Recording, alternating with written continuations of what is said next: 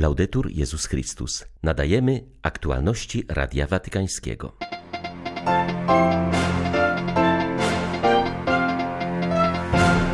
Do otwarcia serc na Jezusa, żyjącego pośród zwykłych ludzi i bycia zwierciadłami Chrystusa, zachęcił papież uczestników kapituły generalnej franciszkańskiego zakonu świeckich.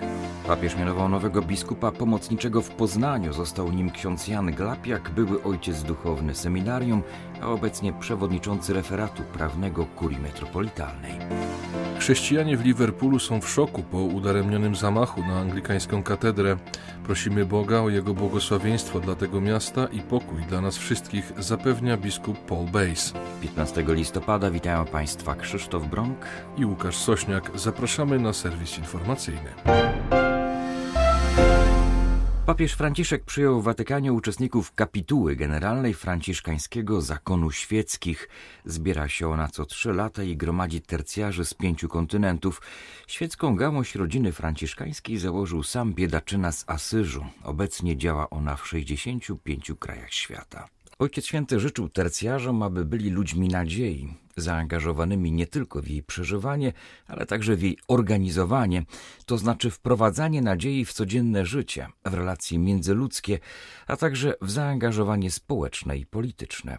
Żywiąc nadzieję na lepsze jutro, starajcie się łagodzić bóle dnia dzisiejszego, apelował papież. Ojciec Święty zachęcił tercjarzy do otwarcia serc na Jezusa, żyjącego pośród zwykłych ludzi i bycia zwierciadłami Chrystusa na wzór świętego Franciszka.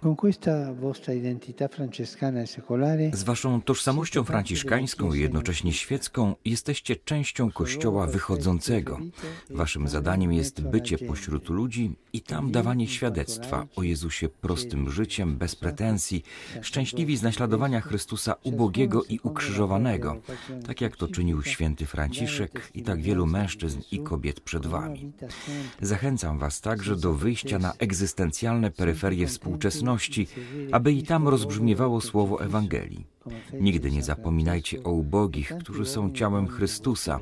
Jesteście powołani, aby głosić im dobrą nowinę, jak to czyniła innymi święta Elżbieta Węgierska, wasza patronka. I tak jak dawniej bractwa pokutników wyróżniały się zakładaniem szpitali, poradni, kuchni i innych dzieł dobroczynnych, tak dzisiaj Duch Święty posyła was do praktykowania tej samej miłości, ale z kreatywnością wymaganą przez nowe formy ubóstwa. Bądźcie pełni bliskości, współczucia i czułości.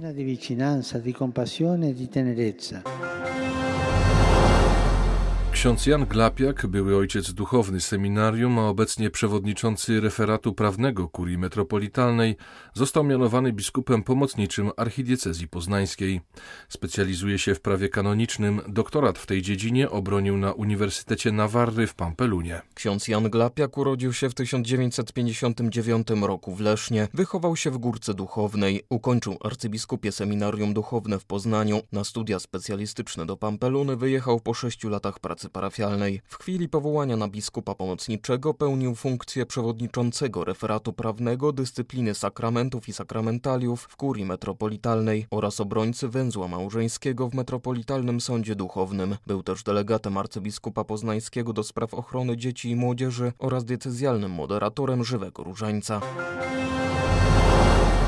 Papież Franciszek przyjął na audiencji prezydenta Chorwacji. Zoran Milanowicz spotkał się następnie z watykańskim sekretarzem stanu, kardynałem Pietro Parolinem, któremu towarzyszył szef papieskiej dyplomacji, arcybiskup Paul Gallagher. Jak podaje oficjalny komunikat prasowy, podczas serdecznych rozmów wyrażono uznanie dla dobrych relacji dwustronnych oraz chęć dalszego rozwoju współpracy. Ponadto omówiono różne kwestie międzynarodowe i regionalne, w tym sytuację Chorwatów w Bośni i Hercegowinie. Papież weźmie udział w spotkaniu biskupów i burmistrzów krajów śródziemnomorskich. Z tej okazji 27 lutego ponownie odwiedzi Florencję. Spotka się też z rodzinami migrantów i uchodźców oraz odprawi mszę w Bazylice Świętego Krzyża. We Florencji na nowo rozpoczniemy z papieżem, aby brzegi Morza Śródziemnego stały się symbolem jedności, a nie granicy, powiedział przewodniczący episkopatu Włoch, komentując decyzję Franciszka. Kardynał Gualtiero Bassetti wyraził głęboką wdzięczność papieżowi za ten gest uwagi wobec inicjatywy angażującej wspólnoty kościelne i cywilne basenu Morza Śródziemnego. Papież, wyjaśnia kardynał, nie tylko błogosławi inicjatywę, ale także przybija na niej swoją pieczęć, biorąc udział w ostatnim dniu obrad. Wyzwania, którym musimy stawić czoła, stanowią bodziec do przezwyciężania barier, które naznaczają basen Morza Śródziemnego oraz do zintensyfikowania spotkania i komunii między siostrzanymi kościołami, dodał przewodniczący episkopatu. Papieska Rada do Spraw Dialogu Międzyreligijnego z okazji święta obchodzonego corocznie jako pamiątka urodzin założyciela religii Sikhów, Guru Nanaka, skierowała do wspólnot sikhijskich list, w którym porusza temat promowania kultury troski, budowania braterstwa, nawrócenia ekologicznego, w służbie przyszłych pokoleń jako odpowiedzi na współczesne kryzysy. Kultura troski może być remedium na bolączki współczesności zdominowanej przez coraz bardziej niepohamowany indywidualizm i obojętność. Czytamy w liście. Trzeba działać, by troska o bliźnich i nasz wspólny dom stawała się zarówno wspólną kulturą, jak i indywidualnym stylem życia. Odwołując się do nauczania papieża Franciszka, Rada przypomina, że kultura troski zaczyna się od zaangażowania na rzecz promowania godności każdej osoby, solidarności z ubogimi i bezbronnymi, dążenia do dobra wspólnego i troski o ochronę stworzenia. List kończy się wezwaniem do wspólnego działania w duchu wzajemnej troski. Jako ludzie wierzący, osoby mające wspólne troski i odpowiedzialność za dobrobyt naszych bliźnich i za planetę, my, chrześcijanie i Sikhowie, uczynimy wszystko, co w naszej mocy, by troszczyć się o siebie nawzajem, o nasz wspólny dom i cały stworzony porządek. Chrześcijanie w Liverpoolu są w szoku po udaremnionym samobójczym zamachu, którego celem najprawdopodobniej była anglikańska katedra w tym mieście. Wczoraj w ramach obchodów Niedzieli Pamięci tysiące ludzi zgromadziło się w tej świątyni. Byli to przede wszystkim żołnierze, weterani wojskowi i ich rodziny. Zamachowiec kazał się zawieść taksówkarzowi pod tę neogotycką świątynię. Kiedy okazało się, że z powodu Niedzieli Pamięci ulice dojazdowe są zablokowane, terrorysta skierował taksówkę pod szpital położniczy. Taksówkarz zorientował się jednak w sytuacji, zamknął zamachowca w samochodzie, a sam ratował się ucieczką, zanim doszło do eksplozji. Na miejscu zginął terrorysta, a taksówkarz został lekko ranny. Anglikański biskup Liverpoolu Paul Bays zapewnił o modlitwie za miasto i policję. Oświadczył, że zwierzchnicy religijni w pełni jednoczą się ze służbami cywilnymi. Na wieść o tym wydarzeniu prosimy Boga o Jego błogosławieństwo dla tego miasta, o pokój dla nas wszystkich. Modlimy się za tych, których dotknęły te wydarzenia, czytamy w komunikacie anglikańskiej diecezji.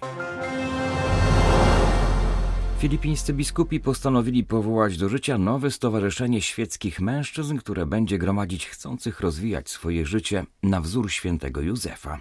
Stowarzyszenie Świeckich jest odpowiedzią Kościoła Filipińskiego na list apostolski papieża Franciszka Patris Corde. Członkowie ruchu będą promować pobożność w duchu świętego Józefa poprzez naśladowanie jego cnót oraz będą wspólnie modlić się oraz dbać o swoją formację, rozwój działalności charytatywnej i podejmowanie innych działań sprzyjających wzrostowi ludzkiego charakteru, świętości i chrześcijańskiego ojcostwa w rodzinie i wspólnocie. Ich zadaniem będzie także uświęcenie pracy i promocja godności człowieka w społeczeństwie, służenie potrzebom społeczeństwa poprzez materialne i duchowe dzieła miłosierdzia. Działalność mężczyzn świętego Józefa zostanie zainaugurowana we wszystkich diecezjach 8 grudnia na zakończenie roku świętego Józefa. We Włoszech dzieci są zagrożone wyginięciem, ostrzega Save the Children. Organizacja opublikowała raport na temat sytuacji nieletnich w Italii. Potwierdza on znany powszechnie fakt, że Włochy nie są krajem dla dzieci. W ciągu ostatnich 15 lat ogólna liczba nieletnich zmniejszyła się o 600 tysięcy. Dziś już tylko co szósty Włoch nie skończył 18 roku życia. Są to konsekwencje trwającego od 50 lat kryzysu demograficznego, jak również postępującego zubożenia najmłodszych i faktycznego zablokowania awansu społecznego. Według Save the Children w ciągu ostatnich 15 lat o ponad milion zwiększyła się liczba młodych Włochów, którzy żyją poniżej progu skrajnego ubóstwa. Ubóstwo żywnościowe dotyka natomiast 6% nieletnich do 15 roku życia. Tragiczna sytuacja dzieci i młodzieży we Włoszech to także konsekwencja konkretnych decyzji politycznych. Tylko w latach 2010-2016 wysokość środków budżetowych przeznaczonych na oświatę została zredukowana o 0,5% PKB. Świadectwem kryzysowej sytuacji jest m.in. wysoki wskaźnik przedwczesnego porzucania nauki. Ponad 23% Włochów w wieku od 15 do 29 roku życia nie uczy się ani nie pracuje. Czynnikiem, który dodatkowo pogorszył sytuację nieletnich, była oczywiście pandemia, mówi Rafaela Milano z włoskiego oddziału Save the Children. Pandemia miała na to bardzo silny wpływ i do dziś widzimy jej długoterminowe konsekwencje. Najmocniej odbiło się to na edukacji. Radykalnie nasiliło się na przykład zjawisko zaprzestania nauki. Młodzi kończą podstawową edukację, nie opanowawszy wymaganego od nich materiału w podstawowych przedmiotach. Pandemia bardzo silnie odbiła się również na sytuacji rodzin z dziećmi. Do tego dochodzą liczne problemy w relacjach międzyludzkich natury psychologicznej. Wymagają one specjalnego programu interwencji, by stawić czoła tym długotrwałym konsekwencjom tego kryzysowego okresu, który wciąż jeszcze się nie skończył.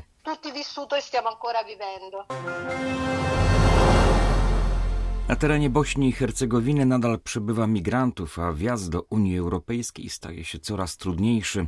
Napięcia we wschodniej Europie dotykają również inne kraje leżące na tzw. Tak szlaku bałkańskim, a także Polskę i Białoruś. Kryzys migracyjny na granicy polsko-białoruskiej ponownie skupił uwagę na szlaku bałkańskim, wykorzystywanym przez Afgańczyków, Pakistańczyków i Syryjczyków, próbujących dotrzeć do Unii Europejskiej w poszukiwaniu lepszego życia.